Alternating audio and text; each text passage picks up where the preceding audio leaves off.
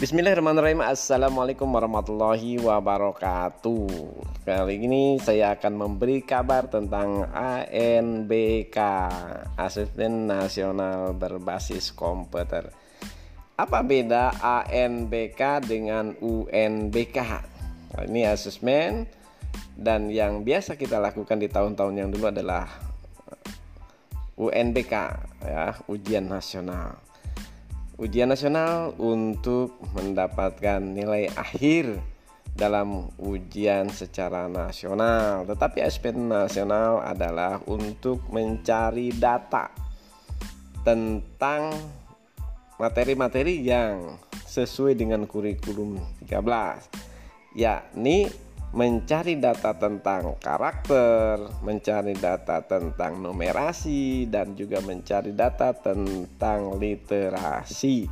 Sehingga para pesertanya pun bukan kelas akhir, tetapi kelas menjelang akhir. Untuk di sekolah dasar kelas 5, untuk di sekolah menengah pertama kelas 8, dan untuk di jenjang kelas menengah atas itu kelas 11. Nanti dalam materi-materi yang diujikan kepada anak-anak ini berbasis kepada literasi dan juga numerasi literasi dan pengembangan karakter. Samping itu juga nanti ada yang namanya konsep tentang eh, survei lingkungan dan lainnya. Jadi orientasinya adalah anak dipilih secara sampling untuk jenjang SLTP itu ada 45 anak dan 5 cadangan. Jadi ada 50 anak di setiap jenjang ataupun di semua tiap lembaga pendidikan. Walaupun siswanya ada 100, 200 atau 300, tetapi ini adalah sampling. Karena ANBK adalah mencari data. Bagaimana nanti hasilnya?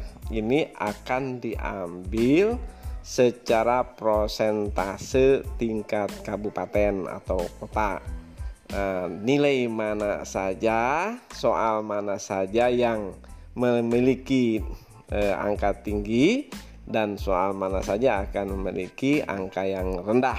Ini menjadi sebuah evaluasi dan kebijakan ke depannya. Jadi perlu dipahami bahwa sekarang ini sebenarnya harus mengacu dan menuju kepada konsep kurikulum 13 yang memuat tiga hal tadi literasi, karakter, dan numerasi. Bagaimana realisasinya? Tidak selalu setiap ulangan dan hasil-hasil ulangan itu mengacu kepada nilai dan angka-angka. Jadi, bagaimana setiap anak ini memiliki karakter yang baik. Yang kedua, memiliki eh, narasi yang bagus ya, dalam berbicara, dalam berargumen, dalam menyampaikan pendapat.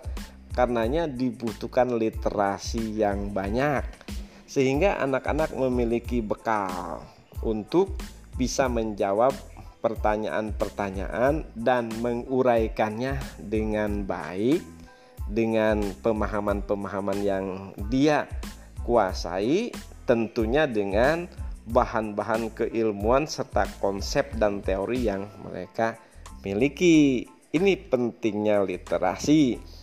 Begitupun dalam numerasi, soal-soalnya lebih mengarah kepada soal-soal aljabar yakni tidak berbicara 2 tambah 3 itu menjadi 5 tetapi ada soal uraian semisal dari sini ke pasar itu ada 2 meter 2 kilometer.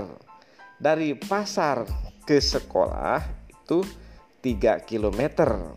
Nah dari sini ke pasar dan ditambah dengan dari pasar ke sekolah itu jumlahnya berapa meter? Nah, padahal secara simpel adalah 2 ditambah 3 tetapi ada soal yang bernarasi yang harus bisa dicerna dan ditangkap oleh para siswa sehingga siswa bisa menjawab dan menjelaskan. Itu sedikit tentang ANBK. Jadi jangan samakan ANBK dengan UNBK. Bagaimana dengan sistem dan prosesnya? Tentu kita masing-masing di setiap lembaga pendidikan menyiapkan itu. Walaupun siswa yang terpilih itu adalah hasil sampling. Dipilih oleh pusat namanya siapa saja yang dimasukkan dalam list nah itu mereka yang mengikuti. Karena tujuan dari ANBK adalah mencari data nah karena itu semoga kita bisa saling bersinergi satu dengan yang lainnya seperti sinerginya pelajaran-pelajaran di kurikulum SD itu dengan mata-mata pelajaran yang tematik. Satu kesatuan dengan satu poin tujuan yang ingin dicapai, tetapi ada dua tiga mata pelajaran yang berkontribusi di sana. Kenapa itu bisa dilaksanakan di SD? tentu juga bisa dilaksanakan di SMP ataupun di SMK. Bagaimana konsep pendidikan e, merdeka, belajar merdeka, mengajar merdeka dan kurikulum merdeka maksudnya lebih diarahkan kepada itu semua. Bagaimana setiap siswa memiliki kelulusan secara baik dengan memiliki argumen, memiliki karya, memiliki data, memiliki konsep, dan sehingga bisa memadukan antara semuanya dan mengertilah permasalahan. Hasilnya bukan lagi melulu angka, tetapi yang diinginkan adalah karya, karya, dan karya sesuai dengan prosedurnya idealisme, narasi, program, kemudian produk dan karya. Itu dalam banyak hal termasuk dalam kegiatan pendidikan di sekolah. Karena itu ada namanya pendidikan prakarya yang bisa menghimpun dari semua aspek-aspek yang ada di dalam mata pelajaran untuk membekali anak menjadi manusia-manusia yang kreatif, inovatif, adaptif, dan argumentatif.